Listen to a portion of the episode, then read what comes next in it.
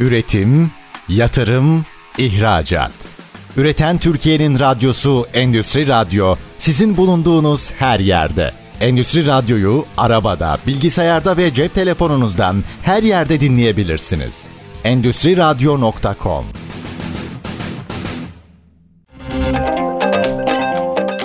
Salih Çaktı'nın hazırlayıp sunduğu Startup Dünyası programı başlıyor. Startup Dünyası'ndan herkese merhaba. Ben programcınız Salih Çaktı. Ee, bugün robotik bilim kurucu ortağı e, Salih Demirtaş konuğumuz. Salih Bey adaşımız aynı zamanda. Salih Bey merhabalar, hoş geldiniz. Merhaba, teşekkür ederim, hoş buldum. Sizi biraz tanıyabilir miyiz? Tabii ki. İsmim Salih Demirtaş. E, iş dünyasındaki 15. yılımı şu anda dolduruyorum. Boğaziçi Üniversitesi'nde Fen Edebiyatı Fakültesi'nde matematik bölümünde okudum ve mezun oldum. Sonrasında çeşitli ticari alanlarda, özel sektörde çalıştım. Ee, evliyim, üç çocuğum var. Son yıllarda da robotik bilimin kurucu ve yönetici ortağı olarak iş hayatımı sürdürüyorum. E, Salih Bey ile bugün robotik sistem ve kodlamayı e, konuşacağız. Özellikle çocuk gelişimindeki e, katkıları ve ileride ne tür gelişmeler olacak robotik alanında bunları detaylıca konuşacağız. Robotik ve sistem ile ilgili merakınız ne zaman başladı tam olarak? Ee, yaklaşık... Ve özel sektörde bu alanda mı çalıştınız? Özel sektörde bu alanda çalışmadım. 6-7 sene evvel hobi olarak başladım ben bu alana. Ee, elime bir hasbelkader Arduino seti geçti. Bunu kodladım, programladım vesaire. İnanılmaz keyif aldım ve ulaşılabilir teknolojinin geldiği noktayı gördüğümde dehşete kapıldım. Yani muazzam bir set vardı elimde ve bunun aslında çocuklara bir şekilde ulaşması gerektiğini düşündüm. Ne yaptınız Arduino setini kullanarak ve e, herhangi bilmeyen biri Arduino setini kullanarak ne yapabilir? Arduino setiyle çok basit e, donanımsal cihazları kontrol ettim kodlayarak. İşte kod yazarak bir ışığı yaktım. Bir sensörü çalıştırdım. Hı hı. Bir motoru döndürdüm. Sensör e, değerlerine göre motorun dönme hızını değiştirdim vesaire. Tabi o zamanlar robotik sistem vesaire bu kadar popüler değildi. Hı. İlk defa e, duyduğum ve karşılaştığım bir şeydi. Bunun çocuklarla, gençlerle mutlaka buluşması gerektiğini düşündüm. Bu şekilde başladı. Bir hobi olarak başladı yani. Evet. Peki e, hobi olarak başladığınız şeyi girişimci olarak sürdürülmeye karar ver, verdiren şey nedir sizin açınızdan? En önemlisi çok keyif aldığımı gördüm. Bu alandaki işlerle uğraşırken aşırı keyif alıyordum.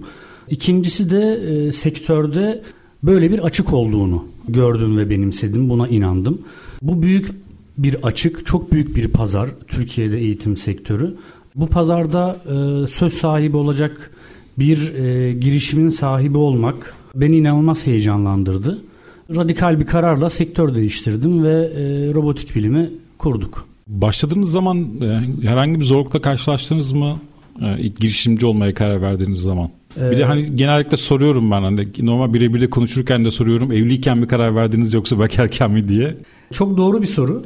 Ee, biz bir TÜBİTAK projesiyle başladık aslında. TÜBİTAK'a bir proje yazdık. Yazdığımız proje TÜBİTAK tarafından kabul edildi ve onaylandı, desteklendi. Hı. Bu bizim için avantajlı bir süreçti ve hemen akabinde Yıldız Teknik Üniversitesi Teknopark'a bir proje yazdık. Yine e, kabul edildi ve biz Teknopark'ta bir TÜBİTAK projesi yürüten firma oluverdik. Başlangıç süreci çok e, zorlu değildi bizim açımızdan. Hı hı. Çünkü projemiz ve içine girdiğimiz alan çok cazip ve e, kabul gören bir alandı. Fakat hemen başlangıcın devamında sizin de sorunuzdaki önemli nokta evliydim. Bir çocuğum yeni doğmuştu. Üçüncü çocuğum çok yeni doğmuştu. Türkiye finansal açıdan çok bu konulara henüz bütçe ayırmayan bir konumdaydı ve hemen akabinde pandemi oldu. Evet. Bizim için en büyük zorluk aslında pandemiyle birlikte evet. başladı. Çünkü e, evli olmak girişimcilik hani cesaret isteyen bir şey olduğu için evli olmak gene yani bekarlar daha çok şey yapıyor cesaret edebiliyor. Sizi de tebrik ederim. Ee, çok şey bir alanda. Benden ziyade sevgili eşimi tebrik etmek lazım bu evet. noktada. E, çünkü gerçekten girişimimin ilk e, dönemlerinde eve ayırmam gerektiği kadar vakit ayıramıyordum. Gece geç saatlere kadar 12, 1, 2 çalıştığımız oluyordu. Ki girişimcilik demek bu demek aslında. Bunun evet. aksi söz konusu olamazdı. Saat sabah 9'dan akşam 5'e kadar çalışarak ben bir girişim ayaklandırayım. Ee, maalesef bizim... Şu anda da çok fazla fark etmiyordur diye tahmin ediyorum açıkçası. Ee, Belki oturmuştur belli şeyler biraz ama... Biraz daha oturdu ama e, tabii ki yeri geliyor yine günlerce e, çalıştığımız oluyor. Bir de siz yeni ürün de geliştiriyorsunuz bildiğim kadarıyla. Evet, zaten e, bizim öz kimliğimiz e, bir ARGE firmasıyız. Yeni ürün ve yeni içerikler geliştiriyoruz.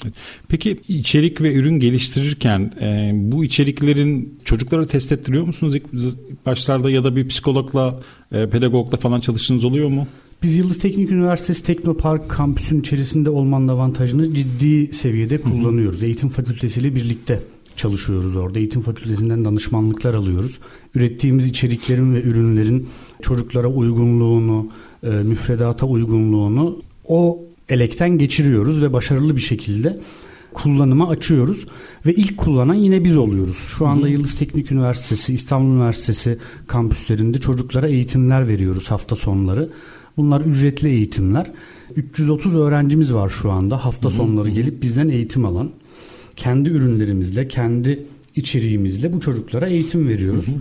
Aldığımız geri dönüşler şu ana kadar muazzam. Bu da bizi mutlu ediyor ve ne kadar doğru iş yaptığımızı aslında gösteriyor, motive ediyor. Yani bir robotik müfredatınız var aslında anladığım kadarıyla. Evet bir müfredatımız var ve bu müfredatı da sürekli olarak geliştirmek durumundayız. Evet. Peki robotik kendi içinde neye ayrılıyor? Yani içinde yani sistem ve kodlama ayrı diye biliyorum.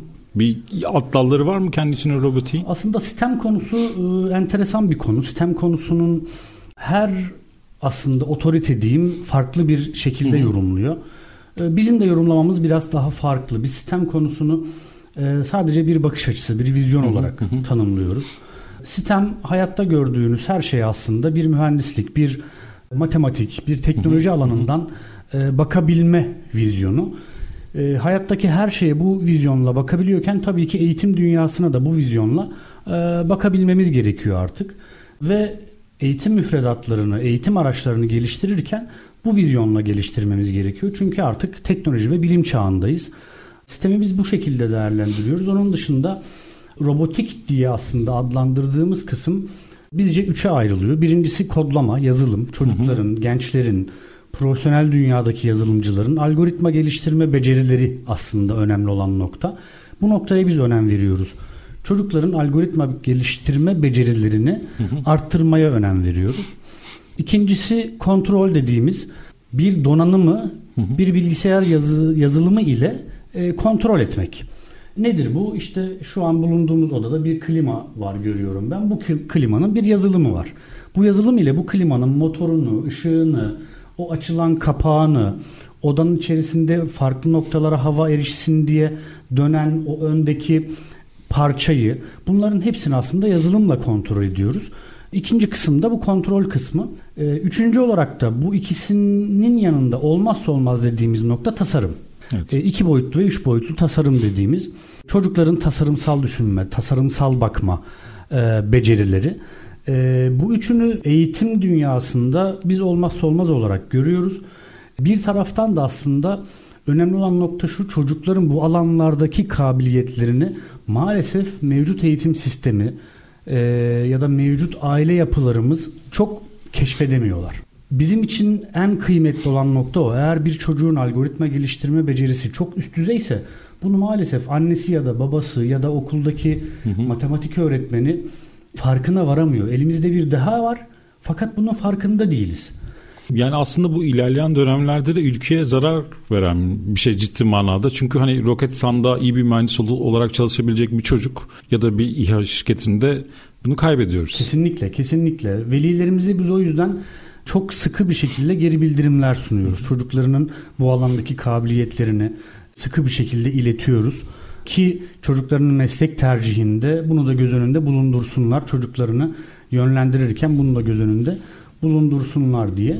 Ee, Ben bu alanda e, belki de yaralı olan öğrencilerden biriyim. Evet. O yüzden de bu alana önem veriyorum diyebilirim. Aslında benim mühendis olmam gerekirken Fen Edebiyat Fakültesi matematik bölümünü tercih etmişim ve bunu 35 yaşımda fark ettim. İstiyorum ki çocuklar bunu 35 yaşında fark etmesinler. Çocuklar bunu 15 yaşında, 15 yaşına gelmeden fark etsinler. O yüzden bu alan önem verdiğimiz bir alan bizim.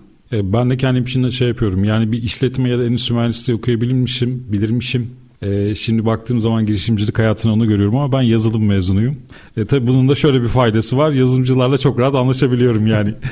E, peki ailelerin e, çocukların algoritmaya yatkın olup olmadığını anlayabilecekleri bir şeyiniz var mı? Bir içeriniz. Yani evet. bir aile bunu nasıl anlayabilir? Çünkü e, her aile lisans mezunu olmayabiliyor, e, memur olabiliyor, işçi olabiliyor.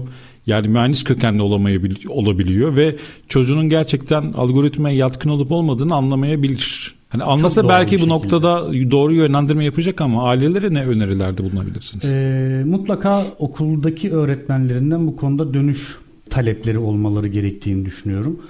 Çünkü teknik bir konu. Ee, teknik bir konuda ailenin kendi başına karar verebileceği, anlayabileceği bir nokta değil. Okuldaki öğretmenlerinden mutlaka bu konuyu irdelemelerini ve bu konuda öğretmenlerinden dönüş talep etmelerini öneriyorum. Peki şu anda hangi faaliyetleri yapıyorsunuz tam olarak? Bir e-ticaretleriniz de var gördüğüm Hı-hı. kadarıyla. Hani ürün elinizde ürün var bunların evet. satışını yapıyorsunuz. Eğitimler var. Biz aslında e, yani okullarla mı çalışıyorsunuz sadece? Okullarla çalışıyoruz ve kendi öğrencilerimizle aslında eğitim faaliyetleri yürütüyoruz. E, fakat bizim hayalimiz çok büyük. Bizim hayalimiz e, ülkede bilişim teknolojileri eğitimlerine yön veren bir kurum olmak ve bunu globale taşıyabilmek. Avrupa'da ve dünyada hı hı. E, bu konuda söz sahibi kurumlardan birisi olmak. E, ve bu hayale koşarken e, yaptığımız işi 3 e, sac ayağının 3 bacağıyla aslında temellendiriyoruz. E, bunun birincisi ürün. Biz ürün geliştiriyoruz. Hı hı. Bu alanda bilişim teknolojileri eğitimleri alanında kullanılmak üzere ürünler geliştiriyoruz. Ne tür ürünler var mesela? K12 seviyesinde yani birinci sınıftan 12. sınıfa kadar kullanılacak olan e, bilişim teknoloji derslerinde kullanılacak olan kodlama materyalleri diyebiliriz. Bunlar bilgisayara bağlanıp bilgisayarla kodlanabilen ürünler. Bunların en e, lokomotifi RedKit. RedKit hı hı. bir TÜBİTAK projesi ürünü. RedKit ile çocuklar Arduino derslerini kolay bağlantı sağlayarak yazılım odaklı, kodlama odaklı, algoritma odaklı bir şekilde ilerletebiliyorlar. Sac ayağımızın ikinci kısmı. Bu arada şey RedKit'i yetişkinler de kullanabilir mi? Benim ilgim çekti şu anda bakıyorum yani e, epey bir şey var. Görev kartları var. 50 adet görev veriyorsunuz e, gördüğüm kadarıyla farklı bloklar falan var. Dokümantasyonu da epey geniş bir ürün anladığım kadarıyla. Biraz ürünlerden bahsedebilir misiniz? Yani e, RedKit nasıl ortaya çıktı? E, ne faydası var öğrencilere? RedKit bir de bana hep şey geliyor. Yani mesela Arduino setlerini falan hani bilirim uzun süredir ama hı hı. hani ben de sanki alıp böyle bir iki monitör bağlayacağım bir şeyler yapacakmışım gibi hissediyorum sürekli kendimi. Çok çok doğru bir his. RedKit'in çıkış amacı bu zaten. Hı hı. RedKit olmadan yapılan Arduino derslerinde sınıf, öğrenci, öğretmen ciddi bir enerji kaybediyor. Çünkü bağlantı yapmak, bağlantıları gerçekleştirmek hı hı. ciddi bir zaman alıyor. 45 dakikalık bir dersin 30. dakikasına geldiğimizde biz hala daha bağlantılarla işte direnç bağlamak, artı eksi toprak vesaire derken... Yani bir e, board var. Bunun üzerine öğrenciler donanımsal e, ekipmanları kendileri mi bağlıyorlar? E, normalde bütün bileşenleri kendileri bağlıyorlar. Hı hı. RedKit ile biz bütün bileşenleri değil sadece kullanacağımız bileşeni kendimiz bağlayarak hı hı. E, doğrudan kodlama adımına geçiyoruz. Yani evet. dersin birinci dakikasında biz çocuklarla yazılım konuşmaya başlıyoruz. Hı hı. Bu çok önemli bir nokta. Tabii ki bağlantıyı öğrenmek de çok önemli ve çok kıymetli. Fakat biz şunu iddia ediyoruz. Esas kıymetli olan yazılım. Hı hı. E, çünkü biz Google'a yazdığımızda bir bağlantının nasıl yapılacağını binlerce sonuç çıkıyor. Evet. Fakat günümüzde var olan bir probleme nasıl bir yazılımsal çözüm bulacağımızı yazdığımızda buna bir e, çözüm yok. Bu custom bir Evet yani çözüm. o bağlantı Bunu, e, üç farklı şekilde olabilir ama üç farklı şekilde yapılan o bağlantıya 300 bin tane yazılım belki yazılabilir. Kesinlikle. O yüzden yazılım çok daha önemli. Çocuklar peki RedKit'te bu Arduino setinde e, ne tür faaliyetler yapabiliyorlar? RedKit'in üzerinde çeşitli bileşenler. Hani yazılımın sonucu çıktısı olarak ne yapabiliyorlar? Komponentler ve sensörler var. Bu sensörler ve komponentleri Hı-hı. kullanarak öncelikle çocuklar tek tek bu sensörleri ve komponentleri Hı-hı. nasıl kodlayacaklarını öğreniyorlar. Sonrasında, Burada yazılım dili olarak çok araya giriyorum. Benim de merak ettiğim bir konu olduğundan dolayı Salih Bey. Yazılım dili olarak hangi dili yazıyorlar? C tabanlı Arduino'nun Arduino milisini kullanıyorlar. Hı-hı. C tabanlı bir dil. E, aynı zamanda daha küçük yaş seviyesindeki çocuklar için hı hı. sürükle bırak mantığında çalışan e, kodlama platformlarında. E, kullanabiliyorlar. Devamında daha ileri seviyeye gitmek isteyenler C Sharp ile RedKit'i programlayabiliyorlar. Hı hı. Peki e, böyle bir RedKit gibi bir Arduino platformuna bir ebeveyn hani çocuğu kaç yaşındayken başlatabilir bunu? Ve okula gitmeden çocuk e, sizin hazırladığımız dokümanlarla içeriklerle bir şey yapabilir mi? Eğer çok ilgili bir çocuksa ve ailesi bu konuda desteklemeye hazırsa olabilir. Fakat Redkit aslında bir sınıf ürünü. Sınıfta öğretmen eşliğinde yapılması gereken etkinlikleri barındıran bir ürün. Çok güzel bir şey söylediniz. Ülkede bilişim teknolojileri eğitimine yön veren bir kurum olmak istiyoruz dediniz. Peki e, şey sormak istiyorum. Günümüzün okul müfredatları çocukları geleceğin teknolojilerini hazırlayabiliyor mu? En can alıcı soruyu sordunuz aslında. Hepimiz için en can alıcı soru bu. Maalesef bu alanda ülkemizde hazır olan müfredat yeterli değil. Son yıllarda çok olumlu gelişmeler oldu bu konuda. 3-5 ee, sene öncesine kadar çok çok aslında kötü evet. bir vaziyetteydi. Son yıllarda e, ciddi çalışmalar yapıldı bu alanda. Fakat göz önünde bulundurulmayan nokta bence şu. Bu mevcut müfredatlar da birkaç sene içerisinde geçerliğini yitirecek. Çünkü teknoloji o kadar hızlı ilerliyor ki kullandığımız araçlar, gereçler ister istemez değişiklik gösteriyor. Mesela şu anda biz eğitimlerde ekran olarak eski bilirsiniz 3310 telefonları. Hı hı. Eski 3310 telefonların ekranlarını kodluyoruz. Eğitim aracı olarak bunu evet. kullanıyoruz. Bundan her öğrenciye bir adet verme imkanı buluyoruz.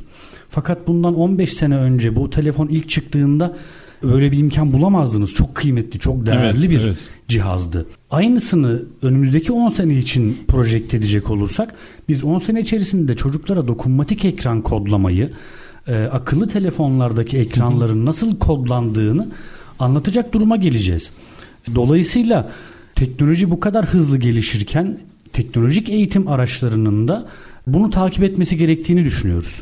Biz şu anda 39 farklı modülde binlerce sayfadan oluşan bir içerik hazırladık. E, fakat biz öyle öngörüyoruz ki hiçbir zaman durmadan içerik geliştirmemiz, içerik üretmemiz gerekecek. Bu teknoloji gelişimini takip edebilmek adına. Evet. Startup Dünyası birinci bölümü burada sona erdiriyoruz. İkinci bölümde e, robotik bilim kurucu ortağı Salih Demirtaş'la ülkedeki eğitim durumunu ve teknoloji tabanlı eğitimi konuşmaya devam edeceğiz. Üretim, yatırım, ihracat. Üreten Türkiye'nin radyosu Endüstri Radyo sizin bulunduğunuz her yerde. Endüstri Radyo'yu arabada, bilgisayarda ve cep telefonunuzdan her yerde dinleyebilirsiniz. Endüstri Radyo.com Startup dünyasından herkese merhaba. Ee, ben programcınız Salih Çaktı. Programın ikinci bölümü devam ediyor. Konuğum robotik bilim kurucu ortağı Salih Demirtaş. Programın birinci bölümünün sonlarında günümüz okul müfredatları çocukları geleceğin teknolojilerini hazırlayabiliyor mu diye bir soru sormuştum Salih Bey'e ve çok e, hararetli ve güzel cevaplar almıştık. Bu konuyu konuşmaya devam edeceğiz. Çok ciddi bir içerik oluşturduğunuzu söylediniz ve Teknoloji geliştikçe müfredat da çok hızlı gelişiyor. Özellikle 3310 örneği çok ilginç bir örnekti. E, eskiden nasıl o telefonlar bizim için popülerse şimdi artık şey telefonlar hani esneyebilen, katlanabilen ekranlar vesaire çıktı. Bu noktada peki buna nasıl ayak uydurabilir eğitim sistemi? Ee... Bu kadar hızlı gelişime. Yani bunun bir mantığına oturtmak mümkün mü sizce? Bu alanda karar vericilerin mutlaka ARGE mantığında çalışıyor olmaları lazım. Araştırma ve geliştirme yapmaya hevesli, istekli, heyecanlı, heyecanlı olmaları lazım. Örneğin e, biz şu anda drone programlama nasıl yapılır bunu çalışmaya, bunu araştırmaya başladık. Çünkü e, dronlar popüler olduğu gibi bunu programlamak da aslında işin bir parçası olacak ve çocuklara biz bu vizyonu nasıl verebiliriz bunu konuşmaya başladık. Ee, ya da örneğin oyun dünyasında çok ciddi gelişmeler oldu. Oyun dünyasında yerli oyun firmaları çok ciddi yatırımlar aldı ee, biliyorsunuz. Peki oyun nasıl yapılır? Oyun nasıl tasarlanır? Bu noktada biz daha ortaokul seviyesinden çocuklara eğitimler üretmeye, geliştirmeye e, başladık. Yani bu konuda eğitim ve müfredat konusunda karar vericilerin aslında biz ne yapabiliriz, biz ne anlatabiliriz bakış açısıyla mutlaka ARGE vizyonuyla çalışmaları lazım. Bu da dünyadaki gelişen teknolojik e, süreçleri aslında takip etmekten geçiyor diyebilirim. Peki ebeveynler yani bilinçli mi bu konuda? Birinci bölümde bunu biraz konuştuk ya biraz daha açmak istiyorum bu konuyu. Hı hı. Yani ebeveynlerin daha bilinçli olması için işte robotik dendiğinde, sistem dendiğinde, kodlama dendiğinde hani bu alanda ilgili bir uzmanlık olmasına gerek yok. Ya hani çocuklarını doğru yönlendirebilmeleri için onların bilinç seviyeleri nasıl yükseltilebilir? Ebeveynler bu alanda... Hani sizin gibi firmalara düşen bir görev var mı aslında bu noktada? Biz az önce söylediğim gibi 330 tane şu an öğrencimiz var ve bu öğrencilerin tamamının velileriyle birebir olarak görüşerek öğrencilerinin bu teknolojik eğitimler alanındaki seviyelerini aktarıyoruz. Durumu aktarıyoruz onlara. Hı hı. E, velilerin e, bu konuda bilinçlenmesi e, ne gerek yok aslında e, uzmandan destek almak zorundalar. Bu biraz şey gibi hani sağlıkla alakalı bir konuda bilinçlenmek ya gerek yok. Çocuğunuzu doktora doktora götürmeniz, e, kontrollere götürmeniz, konuyu sıkı sıkıya takip etmeniz, doktorundan dönüşler almanız, ihmal etmemeniz e, gerek. Bu da onun gibi bir konu. Sık sık çocuğunuzun öğretmenleriyle artık birçok okulda bilişim öğretmeni mevcut. Özellikle özel eğitim kurumlarında tamamında mevcut şu anda. Oradan geri dönütler almak e, çok kıymetli. Bilinçli veliler var. Bilinçli veliler özellikle belli bir lisans eğitimi almış, sayısal bir alanda lisans eğitimi almış velilerin bu konuda tabii bilinçlenmeleri biraz daha kolay e, backgroundları gereği. Fakat genel manada yeterli seviyede olduğumuzu bu konuda e, düşünmüyorum. E, çünkü şu anki velilerimiz de handikaplı bir jenerasyon aslında. Teknolojinin çok büyük bir ivmeyle değişim gösterdiği bir çağda yaşıyoruz. Örneğin şu anda 50 yaşlarında olan bir insan çocukluk yıllarında büyük bir yokluk görmüş olabilir. Gaz yağıyla belki de gaz lambasıyla belki de bulunduğu ortam aydınlanıyordu.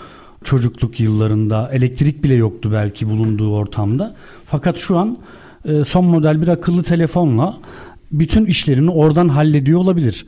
Yani Pentium 3'leri görmüş e, ve şu anda da Ultrabook'ları da kullanıyor olabilir. Evet. Aynı zamanda. Dolayısıyla bu handikaplı jenerasyon için zaten gelinen nokta bir nevi akıl almaz bir nokta. E, dolayısıyla bunun daha ötesini görmek her zaman kolay olmayabiliyor. Akıl almaz bir noktada olduğunu düşünen bir insana ya çocuğunun yazılım noktasında bir deha olabileceğini ikna etmek her zaman kolay olmayabiliyor. Bu noktada velilerimizin aslında bilişim öğretmenlerine sık sık danışmaları hı hı. ve onlardan sık sık dönüş almaları gerekiyor yani diyebilirim. Matematiği, oğlumun matematiği iyi mi çocuğumun, müziği iyi mi derken ar dünyası da iyi mi diye sormak gerekiyor Kesinlikle. toplantılarda vesaire. Buradaki handikaplardan birisi şu bu alandaki eğitim dünyası ile alakalı soru sordunuz. Onunla alakalı bir durum çünkü. Ee, henüz çok yeni bir alan olduğu için bilişim teknolojileri eğitimleri K12 seviyesinde hangi kademede çocukların ne seviyede olmaları gerektiği biraz kafa karıştırıcı bir durum. Özellikle karar vericilerin bu noktada biraz daha detaylı çalışmaları gerektiğine inanıyoruz. Biz şöyle ki örneğin 7. sınıfa giden bir öğrenci buraya gelse biz o öğrencinin matematik dersinde hangi seviyede olması gerektiğini e, biliyoruz. Ve bu seviyede gerçekten olup olmadığını nasıl ölçeceğimizi de biliyoruz. Hı hı. Ve bu yıllardır belli. Fakat bilişim eğitimlerinde bu bir standarda oturmadı. Çünkü lise öğrencileri var hayatında hiç bilişim eğitimi almamış. İlkokul öğrencileri var 3-4 yıldır kodlama yapıyor. İnanılmaz bir standart sapma handikapı var bu alanda. O yüzden de kademelere yönelik içerik geliştirmenin çok önemli olduğunu iddia ediyoruz ve bu alanda e, ciddi çaba sarf ediyoruz. Ürünleri geliştirirken e, yani o geliştirme süreçleriniz nasıl ilerliyor bu arada? E, biz ürünlerin sınıftan çıkması e, gerektiğine inanıyoruz. Yani sınıf ortamında yapılan bir dersteki bir eksiği doldurmak üzere aslında hı hı, çıkması hı. gerektiğine inanıyoruz. Zaten biliyorsunuz bir yenilik bir problemi evet. e, gidermek zorunda. Yoksa o yeniliğin e, anlamı yok.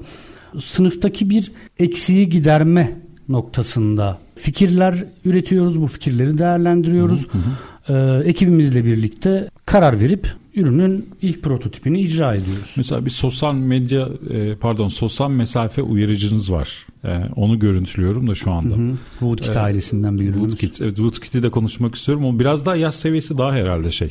Daha çok lise seviyesi değil de ilkokul seviyesi. Evet, ilkokul ve ortaokul diyebiliriz. E, Redkit eğitimini tamamlayan çocukların öğrendikleri komut ve bileşenleri hayatımıza nasıl entegre edebiliriz kavramaların noktasında çıkardığımız bir ürün. Yani biz Redkit'te çocuğa ultrasonik mesafe sensörünü yani önündeki cihazla arasındaki mesafeyi hı hı. bize verebilen bir sensörü tanıtıyoruz. Hı hı.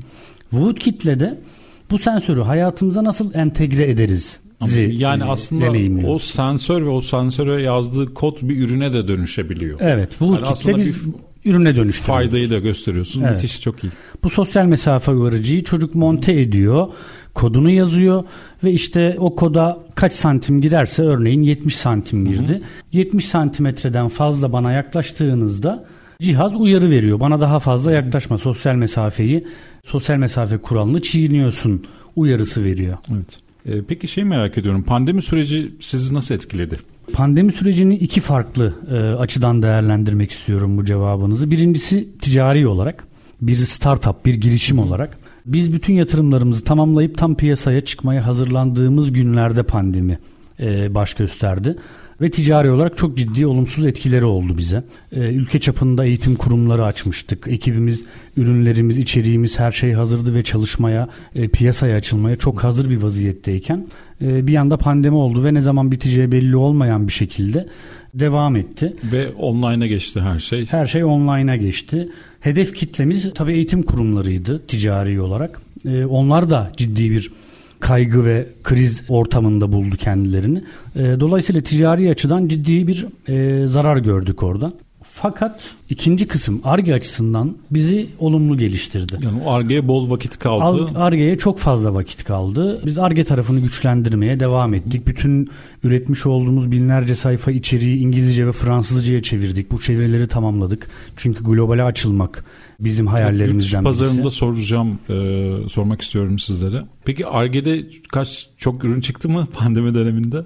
Çıktı. 20'den fazla ürün ve model çok iyi çıktı. maşallah çok iyi. E, peki yani global globali de konuşmak gerekirse yurt dışında bu pazar nasıl şu anda? Bütün dünyada çok büyük bir pazar var ve ciddi bir açık var. Ve şeyleri biliyorum ben. Hani birkaç tane e, ünlü ticaret sitesinde e, aylık sistem setleri, sistem sistem box satılıyor. Örneğin işte bu ay sistem olarak ne gelecek eve? Hani Evet. işte bu ay şey geliyor. Mimarlık mühendisliği ilgili bir set geliyor. Önümüzdeki ay Arduino ile alakalı bir şey geliyor. Evet. Ve e, sizin kullandığınız malzemeler de huş ağacından bildiğim kadarıyla. Evet, huş ağacı çok da doğru. çok şey bir ağaç. Doğal bir ağaç. E, doğal bir ağaç. E, pandemi döneminde şey de biliyorum bu arada. Yani e, huş ağacına ulaşmak da çok zorlaşmış. Kesinlikle. E, o bu noktada üretim yapan firmaların da zorluk çektiğini duymuştum. Sizin e, global yönelik ne tür e, şeyleriniz var, planlarınız var? Fransızca Kuzey Afrika'ya yönelmek istediğiniz Evet. için mi? Fransızca tamamen Kuzey Afrika'ya yönelmek istediğimiz için Avrupa, Kuzey Afrika ve e, Amerika Birleşik Devletleri'ni hedef pazarlar olarak belirledik biz. İngilizce ve Fransızca dillerinde bu eğitimlerin, içeriklerin, e, çevirilerini tamamladık. Biz buralarda bu ürünleri, bu eğitim müfredatını e, ve öğretmen eğitimlerini, öğretmen çalıştaylarını icra ederek oralardaki öğrencilerin ve öğretmenlerin de bizim geliştirmiş olduğumuz ürün ve içerikleri kullanmalarını tasarladık ve bu yolda çalışmalarımız devam ediyor. Şu ana kadar 5 ülkeye ihracat yaptık. Fakat başlangıç noktasında e, bunun iyi bir rakam olduğunu düşünüyoruz. Yani benim anladığım kadarıyla siz örnek veriyorum e, Cezayir ya da e, şey diyeyim Cezayir'e giriş yaptınız. E, ilk başta öğretmenleri eğitiyorsunuz. Yani eğiticinin de eğitimini veriyorsunuz. Sonra ürünü veriyorsunuz. Kullanabileceği bütün e, yazılı dokümanlar, videolar vesaire materyalleri veriyorsunuz. Aslında şey yapıyorsunuz benim anladığım kadarıyla. Yani e, Milletin Bakanlığı'na, bölgenin Milletin Bakanlığı'na entegre olup direkt müfredatı e, ilgili K12 Evet. seviyesinde kime ne, neye ihtiyacı varsa entegre ediyorsunuz. Evet, Müthiş bir uçtan iş. hoca bir çözüm sunuyoruz. Evet. Bu noktada en büyük sıkıntı aslında konuyla alakalı uzmanlar uzman eğitimciler yetiştirmesi gereken üniversite bölümlerinin müfredatları. Yani ülkemizde bilgisayar ve öğretim teknolojileri eğitmenliği BÖTE diye kısaca adlandırılan bölüm ve bunun müfredatı maalesef sahayla paralel değil. BÖTE bölümünde okuyup bilgisayar öğretmeni olarak mezun olan ve okullarda çalışmaya başlayan öğretmenler sahada bambaşka bir dünya ile karşılaşıyorlar. Örneğin şu an özel eğitim ku- kurumlarının birçoğunda kullanılan eğitim materyalleri marka ismi vermek istemiyorum. Üniversite kademesi boyunca çocuklar görmüyor, bilmiyor. O konuda herhangi bir dersleri yok seçmeli dahi olsa. Arduino bile e, bu konunun en temel ürünlerinden birisi. Arduino bile çok kısıtlı bir şekilde bu müfredatta kendine yer buluyor. Dolayısıyla bu öğretmenlerin mutlaka sahaya dair, sahadaki güncel ürünlere, RedKit mesela bunlardan birisi. Güncel ürünlere dair mutlaka bir eğitimden, bir çalışmadan geçmeleri gerekiyor. Biz Yıldız Teknopark'taki e, atölyemizde aktif olarak çeşitli dönemlerde e, eğitmen eğitimleri icra ediyoruz. E, öğretmenler ülkenin çeşitli yerlerinden bize ulaşıyorlar.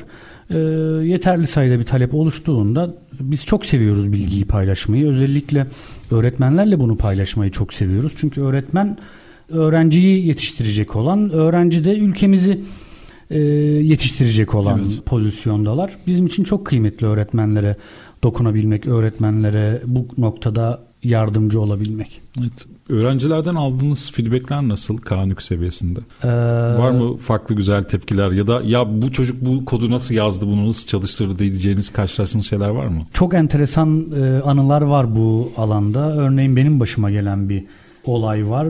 Bir gün derste bir kodlama anlatıyorum. Anlatıyorum ama bir tedirginlik var içeri, içimde. Yani acaba doğru mu? Bir hata mı yapıyorum? Tam emin de değilim. Dur bakalım birazdan anlarız diyorum. Anlatmaya devam ediyorum. Algoritmayı ilerletiyorum. Üçüncü sınıfa giden bir öğrenci öğretmenim dedi ben yaptım dedi. İlkokul 3'e gidiyor. Ben ama farklı bir yoldan yaptım öğretmenim dedi. Baktım hani o benim tedirgin olduğum kısmı çocuk çözmüş e, tüylerim diken diken oldu. Yani önümdeki manzara benim için dehşet bir manzaraydı. Bu tür anılar çok güzel oluyor. Özellikle bu konuda başarılı olan öğrenciler kendilerini bu alanı seçtiklerinde e, biz, bizle iletişimlerini genelde koparmıyorlar. Çok hayır dua alıyoruz diyebilirim. çok iyi. Çok seviyor öğrenciler. Şey oluyor mu mesela örnek veriyorum hareket sensörü için e, bir şey söylediniz ama iki tane farklı argümanı kullanıp farklı bir şey çıkartan böyle ilginç sivri zeka tipler oluyor mu? Çok çok fazla oluyor. Öğretmenlerimize bu tür anlarda olaya şu açıdan bakmalarını rica ediyorum hep ben. Önünüzde böyle bir manzara var, dehşet hı hı. bir manzara var. Çok zeki, bu konuda çok kabiliyetli e, ya da e, gelecek vadeden bir çocuk var. Ve bunu bu çocuğun annesi bilmiyor, babası bilmiyor, okuldaki matematik öğretmeni bilmiyor, sınıf öğretmeni bilmiyor. Hı hı. Bunu sadece siz biliyorsunuz ve bu çok değerli bir bilgi. Lütfen e, bu öğrenciyle ona göre ilgilenin ve mutlaka ve mutlaka velisine bu konuda dönütte bulunun. Ki işini çok severek yapan bireyler yetişebilsin. Ee, çok teşekkür ederim. Startup Dünyası ikinci bölüm burada sona erdi. Üçüncü bölümde e, robotik bilim kurucu ortağı Salih Demirtaş'la robotiği, sistemi ve kodlamayı konuşmaya devam edeceğiz. Üretim, yatırım, ihracat. Üreten Türkiye'nin radyosu Endüstri Radyo sizin bulunduğunuz her yerde. Endüstri Radyo'yu arabada, bilgisayarda ve cep telefonunuzdan her yerde dinleyebilirsiniz. Endüstri Radyo.com Startup Dünyası 3. bölümden herkese merhaba. Ben programcının Salih Çaktı.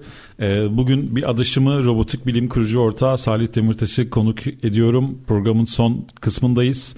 Ee, Salih Bey eğitim alanına gerçekten güzel şeyler söylediniz ve e, çok değerli bir iş yapıyorsunuz. Hani geleceğin mühendislerini yetiş, yetiştirmeye çalışıyorsunuz. Çok Bu alanda da eğiticinin de eğitimine vererek de aslında ülkeye çok ciddi bir katkı sağlıyorsunuz gördüğüm kadarıyla. E, şimdi her çocuk e, şey bilmek zorunda değil. E, yeteneği farklı olabilir, müziğe yeteneği vardır, sanata yeteneği vardır.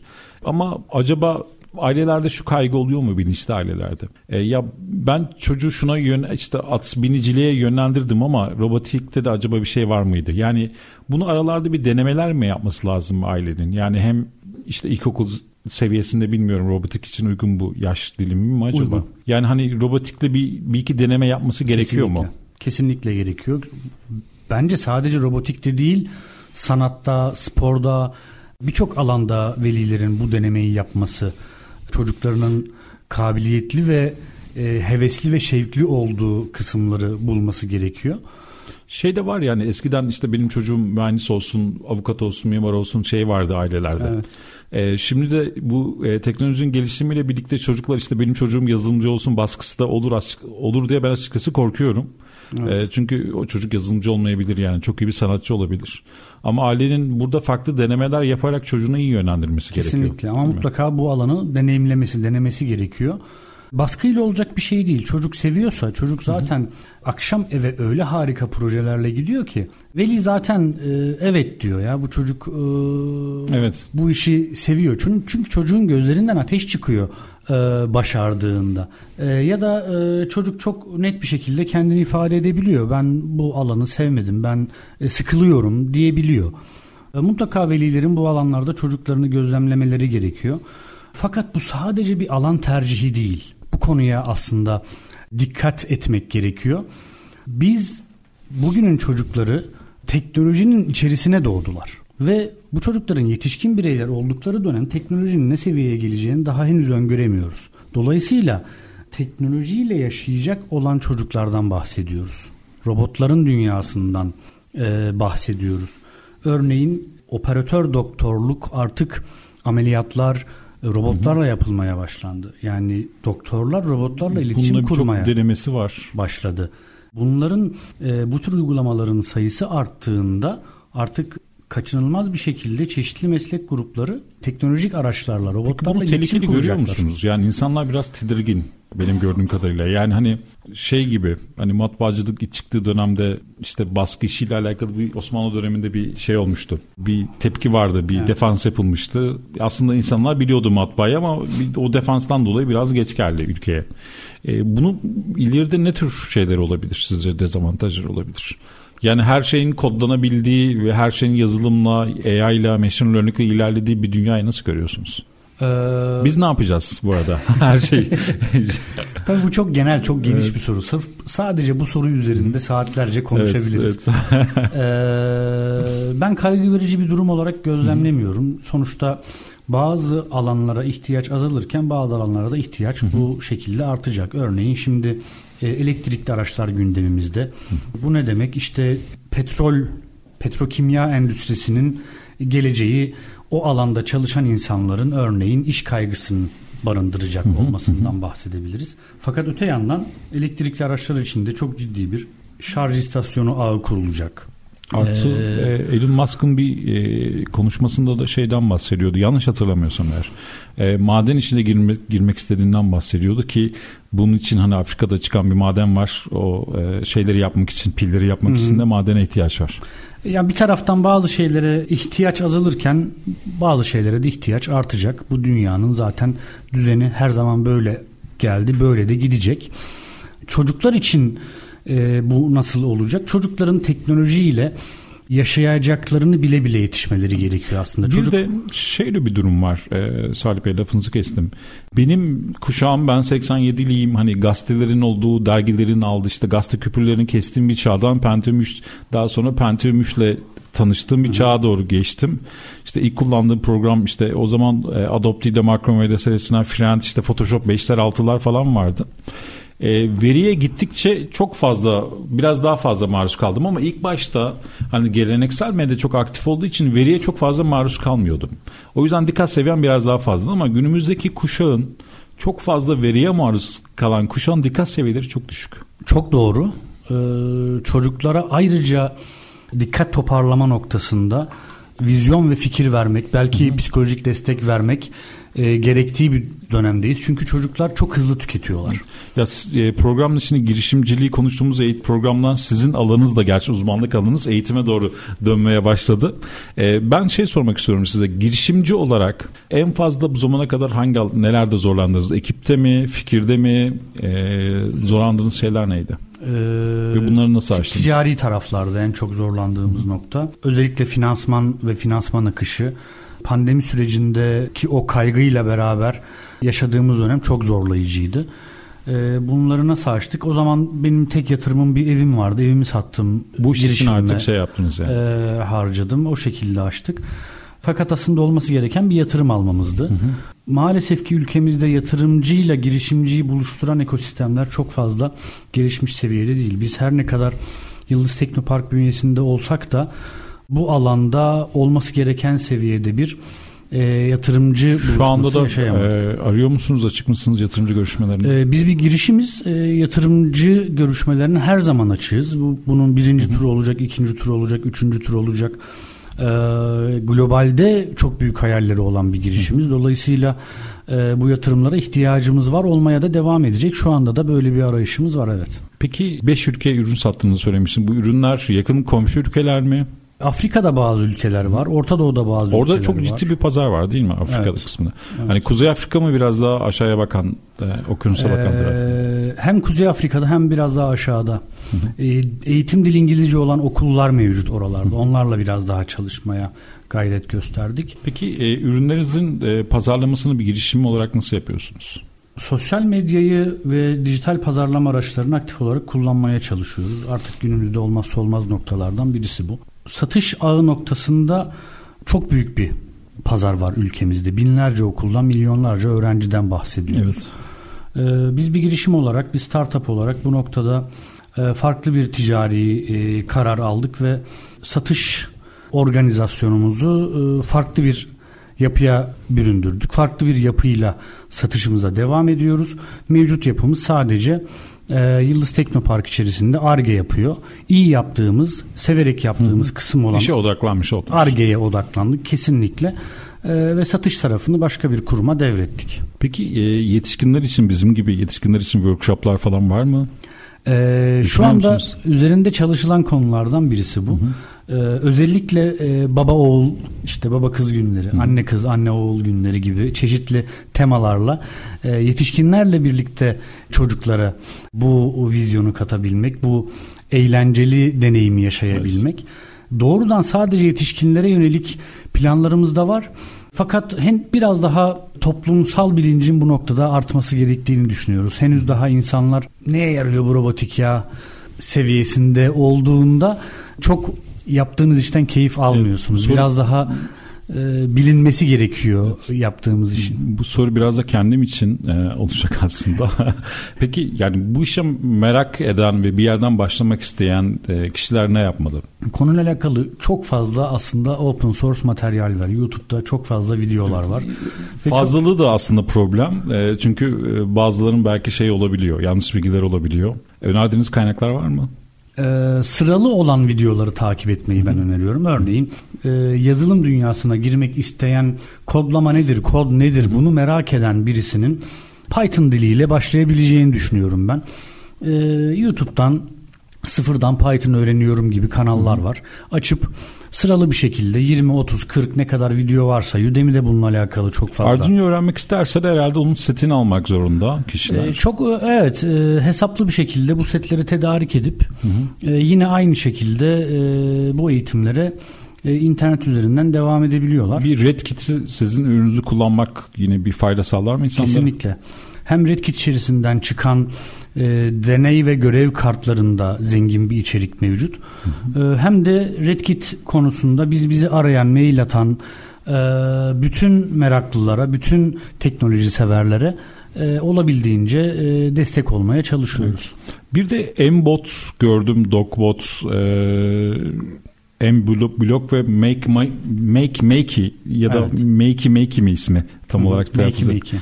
E, bu ürünler hangi amaçlara hizmet ediyor? Ee, bu ürünler bizim geliştirdiğimiz ürünler değil. Bu ürünler globalde farklı e, ülkelerdeki farklı e, kurumlar tarafından geliştirilmiş. Fakat çok verimli. Bu Çok iyi alandaki üreten. evet e, başarısını kanıtlamış ürünler. Kendi geliştirdiğimiz ürünlerin yanında e, globalde başarısını kanıtlamış ürünlerin de eğitimlerine biz yer veriyoruz. Eğitmen kadronuz da var değil mi aynı Evet. zamanda? Şu anda toplam 23 kişilik bir ekiple çalışıyoruz Yıldız Teknopark içerisinde. Ciddi bir eğitmen e, ve içerik geliştirme ekibimiz var. Çok kabiliyetli, ülkenin en iyi içerik geliştirici ekibi diyebilirim. Bu sene eğitim kurumları tarafından ilk kez kullanılmaya başlanacak geliştirmiş olduğumuz ürün ve içerikler. E, piyasaya aslında yeni açılacağız diyebilirim.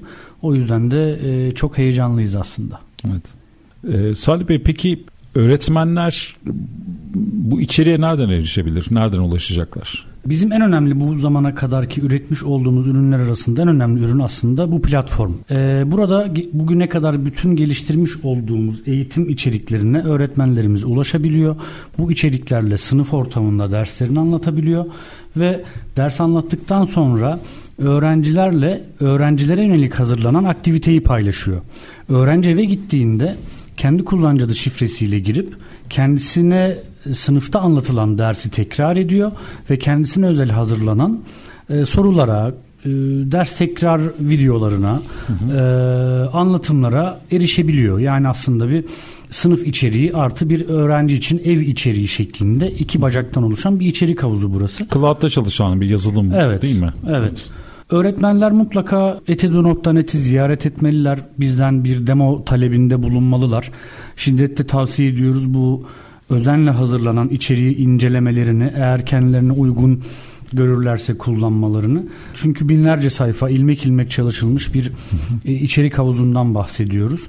Bir diğer artı yanı da çocukların bu evde icra ettikleri ev aktivitelerinin cevaplarına göre biz çocukların durumuna, gidişatına, sınıfın durumuna, okulun durumuna göre raporlar çıkarıp öğretmenlere ve okul yöneticilerine bu raporları birkaç klik mesafesinde sunabiliyoruz.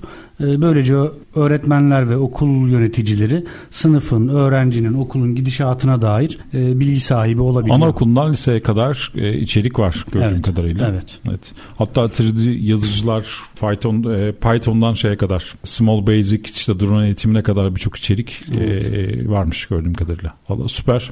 E, harika içerikler. Umarım e, kıymeti bilinir ve e, daha çok kişiye ulaşırsınız Salih Bey. Çok teşekkür ediyorum katılımlarınız için. Ben teşekkür ee, ederim. Eğitim odaklı için. bir program daha yapmak isterim sizlerle. Kendinize çok iyi bakın. Memnuniyetle, seve seve. Görüşmek üzere.